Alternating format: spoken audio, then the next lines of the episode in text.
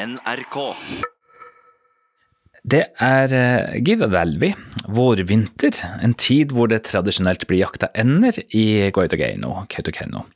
Men gjør du det, så risikerer du å få bot. Det har i hvert fall noen i eh, kommunen fått merke de siste årene. Og det her har vært et tema i Goitogeino i over 70 år. Kommunen oppretta et utvalg som skulle utrede lodden, eh, jakta på hender, og nå har utvalget levert fra seg sin rapport. Et forbausende interessant dokument på over 100 sider, der utvalget kommer med 23 konkrete forslag. Johan Henrik Buljo og Liv Østmo, velkommen til Tett på. Takk, takk. Dere er eh, henholdsvis leder og sekretær av eh, Lodden-utvalget. Hva er Lodden? Lodden, det er noe som har pågått her i flere generasjoner. Det skjer på vårvinteren, som du nevnte her. og Før eh, hagla kom, så drev man jo og fanga ender noe med som heter boarri. Det er en sånn, sånn her kunstig holm de lager med, med sånne, sånne snarer. Det var i den tid det ikke var frysebokser og sånne ting. Det var helt nødvendighet at, eh, at man, hadde, man fikk kjøtt, ferskt kjøtt. Sånn har det oppstått, og, og, det var jo nøden da som gjorde at folk eh, drev og jakta. Og sånn har det vart, og sånn er det fortsatt i dag. Vi jakter fortsatt på vårvinteren. Vi jakter når det er fugler er under trekk. Ja. Den tida er viktig, skjønner jeg. Hva er nyanseforskjellene på vårvinteren og på våren? Du vet, når våren så begynner det å bli grønt. Og eh, når, når, det begynner å bli grønt, da er det slutt. Jak jakt er også slutt, for da begynner denne paringslek, og ca. et par uker senere så begynner egglegginga vårvinteren, altså det bare råker i elva og i enkelte vann, i utløpet av noen vann. Og det er der det skjer jakta. Mm.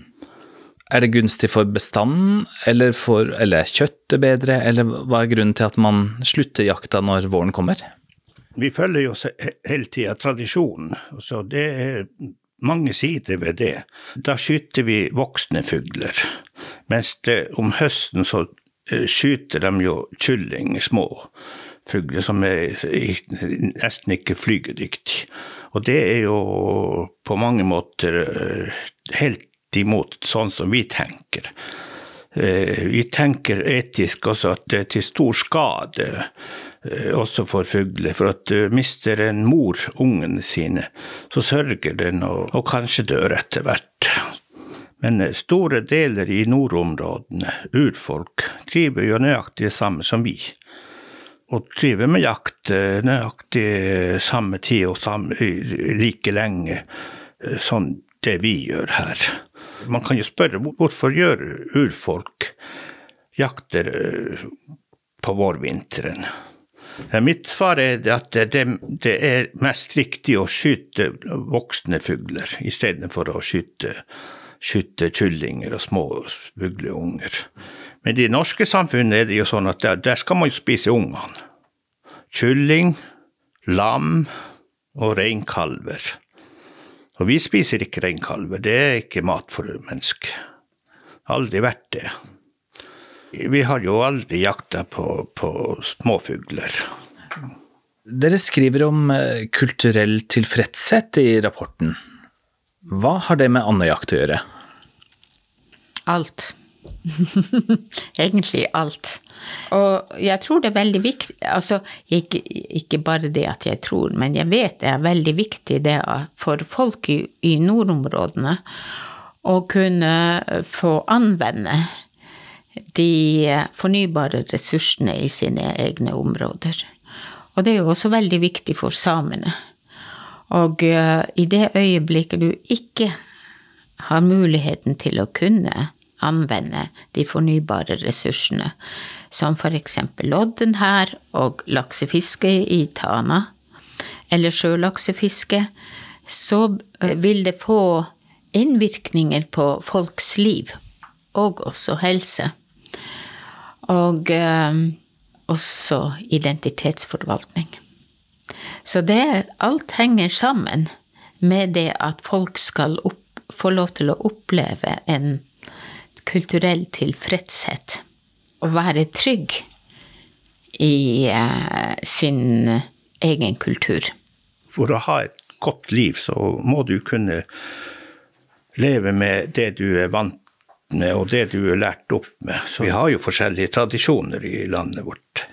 Eh, og, eh, og, det er viktig for et gode liv, at du får uh, leve med det du som, som, er din identitet, egentlig. Mm.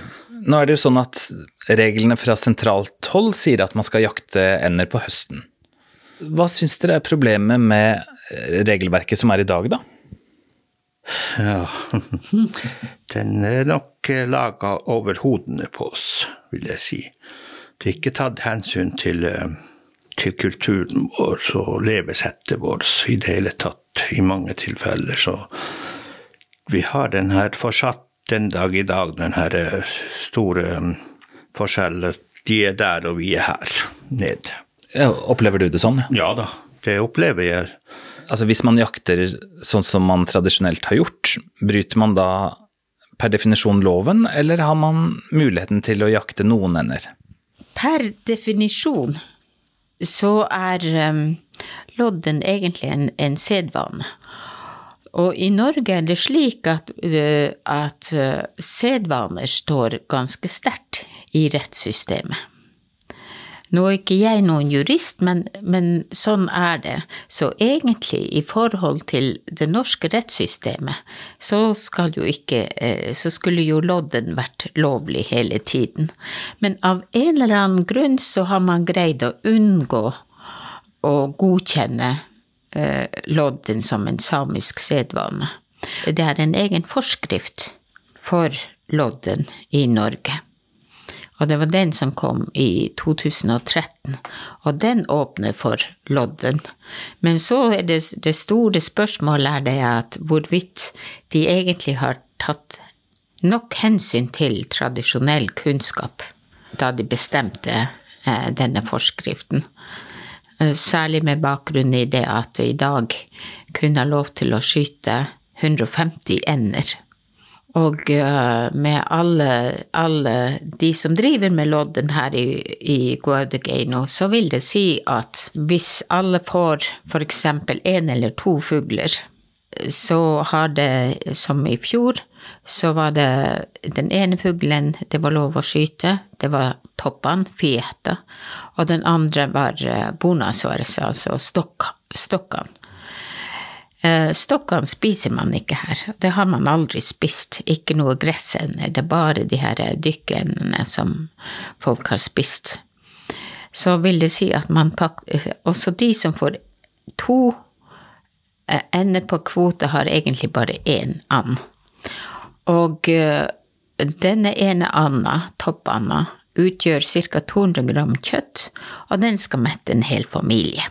Jeg tror det er en stor misforståelse her. at Vi har jo hørt um, folk som skriver både på de her sosiale medier at vi, at vi bør skamme oss for at vi driver og skyter fugler som ligger på egg.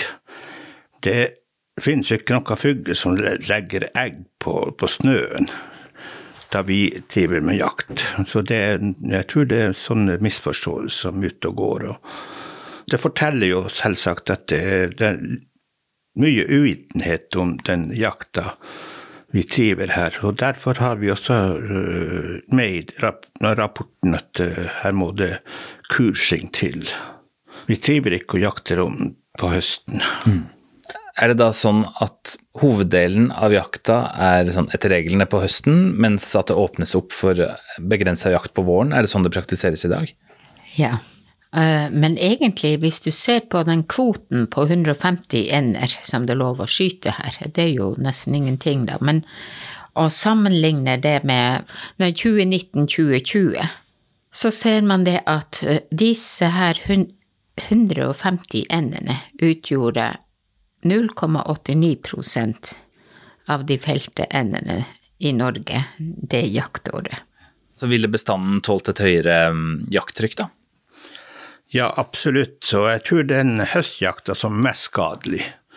Mens eh, den på våren, det er Vi tar den, det som er tradisjonelt, og vi skyter Kanskje vi skyter opp til 700-800 fugler, hvis, hvis, det blir lov. I tillegg er det jo at, at, at høsten så skyter man unger, og i, på de, eller i de vannene hvor, hvor de har klekka ut og svømt hele, fred i hele sommeren, og blir det 20. august og begynner å smelle der. Så man kan jo skjønne at de, de, de fugler kommer ikke dit, de som slipper levende fra det. Her skiller man mellom mannenjævrit og loddenjævrit. Altså, mannenjævrit er eh, det området med, med et vann der også, hvor, hvor hekkingen skjer, og hvor ungene vokser opp, og lodden jævrit er der man pleier å jakte ved de vannene, eller eh, også for så vidt ved elva, da. Og det, denne lodden skjer kun der hvor det er lodden jævrit, eller i loddenområdene, ikke der hvor hekkingen skjer, og hvor ungene vokser opp. Og så er det jo også et annet viktig poeng som man glemmer. Det er det at flesteparten av fuglene flesteparten av vennene kommer jo hit først etter at lodden er slutt. Mm. Også etter at den tradisjonelle lodden var slutt. Så jeg kan ikke se det at lodden skulle være med på å true andebestanden i Norge. Det er heller kanskje andre og større ting som truer andebestanden. Som for eksempel våt våtmarksområder lengre sør, eh, hvor det bygges eh, veier og byene eh, bygges ut. Og da tenker de ikke engang at våtmarkssonen er verdiløs, sånn som de, de er verdiløse. Mm. Men det er jo der fugler, fugler lever og, og, holder seg til, og, og det, det, vil jeg tro at det er, en, det er stor skade for fugler. Det vil jeg tro. Og, og da snakker du om det som, som heter mehti? Ja. Hva ligger i det begrepet? Mehti blir jo ofte sånn oversatt med utmark, men utmark er jo knyttet til en helt annen logikk enn denne her jakt, fangst, fiske, bærplukkingskulturen som er her. Altså den er knytta til jordbrukslogikken, hvor du hadde innmark og utmark. Eh, men mehti er heller et sånt begrep som sier noen ting om hvilke oppgaver og arbeid du skal gjøre i et område.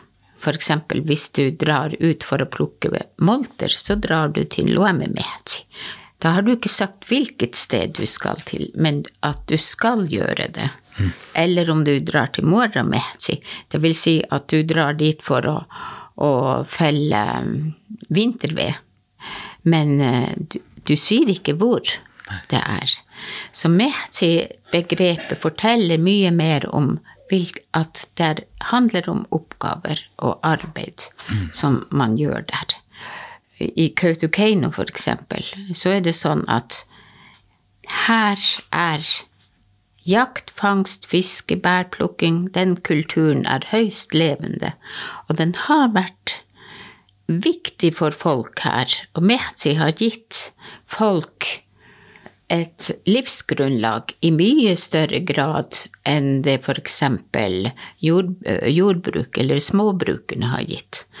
Så allerede på 1930-40-tallet så skrev eh, presten Smith at uh, jakt og fangst og fiske og bærplukking har, har, mye større betydning for folks livsutkomme enn det jordbruket har.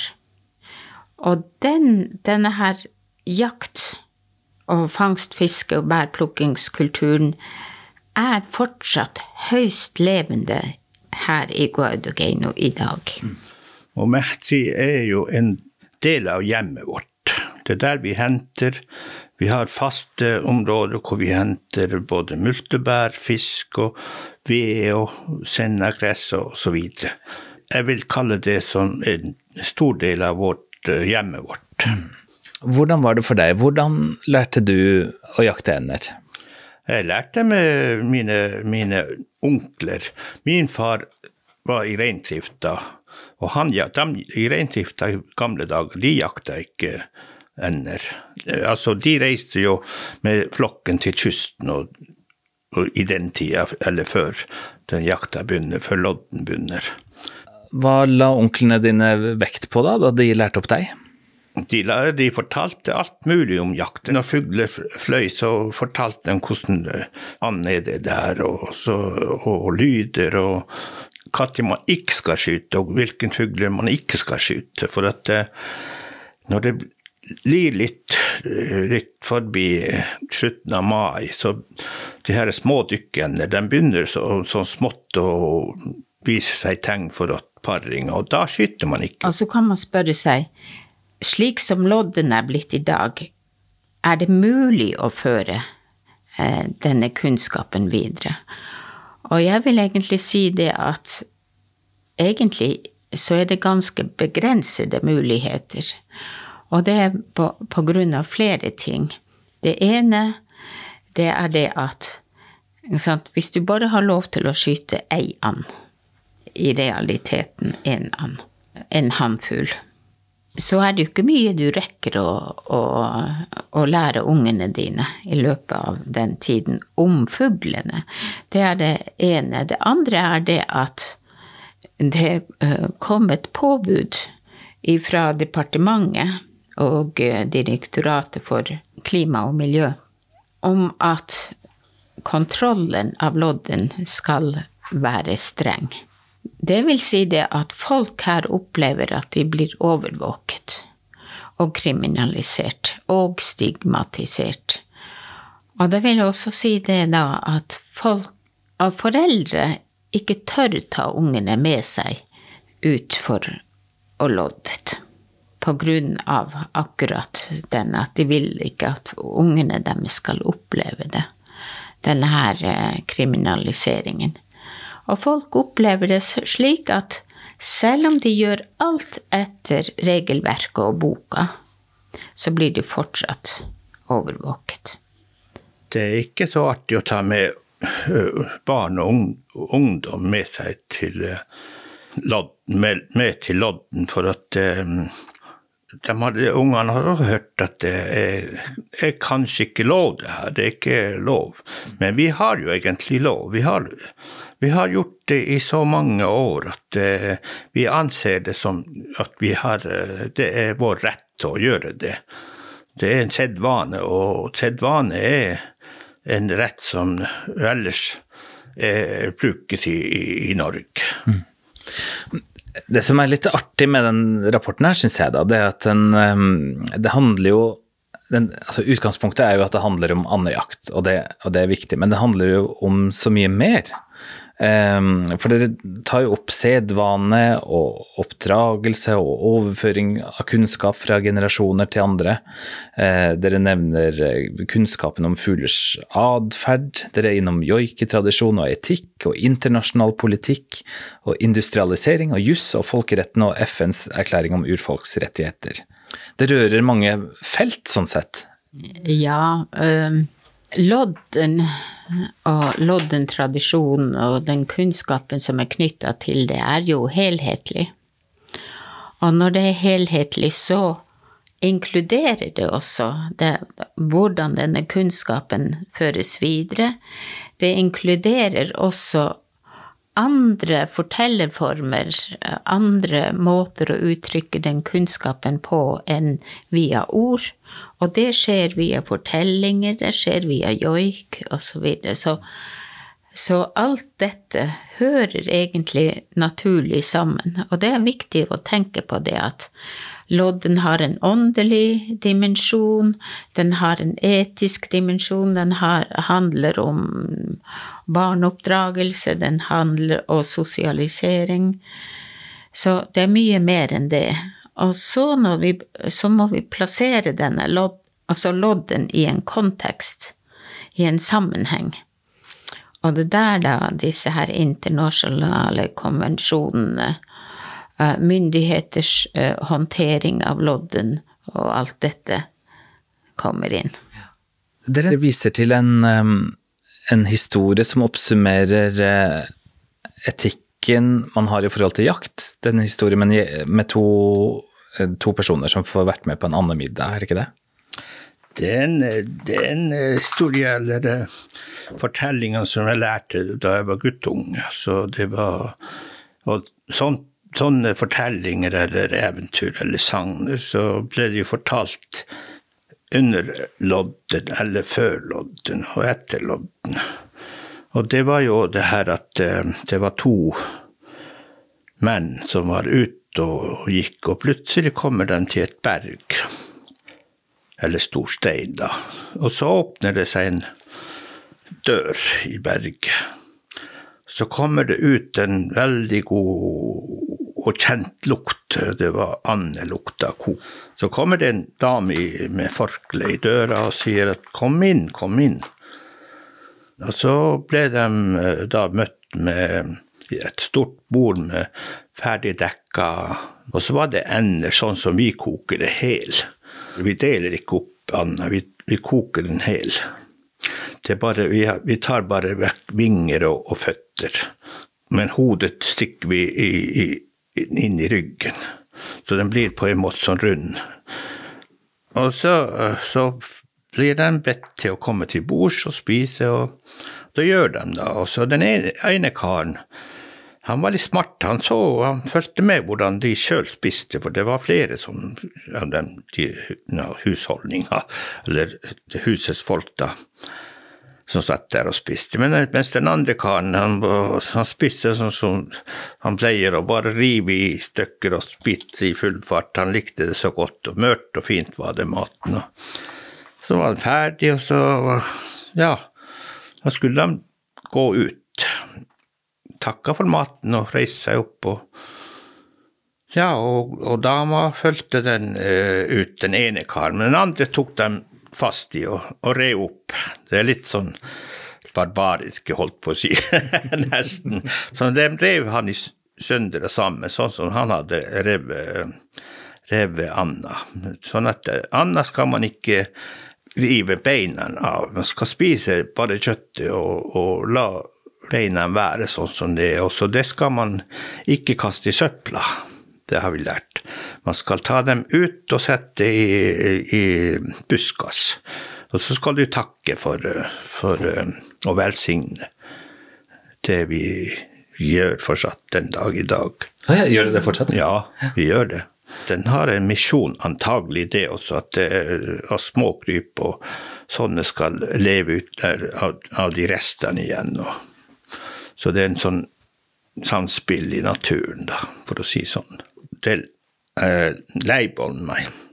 Det er mange som kaller det for Gud, men eh, jeg vil kalle det sånn ånd, som har vært med samer til alle tider. Men også den, den kulturen er jo blitt drept av, eller forsøkt å bli drept av, av andre. Så, men likevel så er, er vi mange som fortsatt takker og velsigner etter at vi har vært på jakt. Vi spør lov, og så, og så takker vi etter at vi har vært enten på jakt eller fisk eller gjort andre ting i Mætsi. Og Leibolmei, det er jo den øverste i sida som, som rår over ville dyr, fisker og fugler.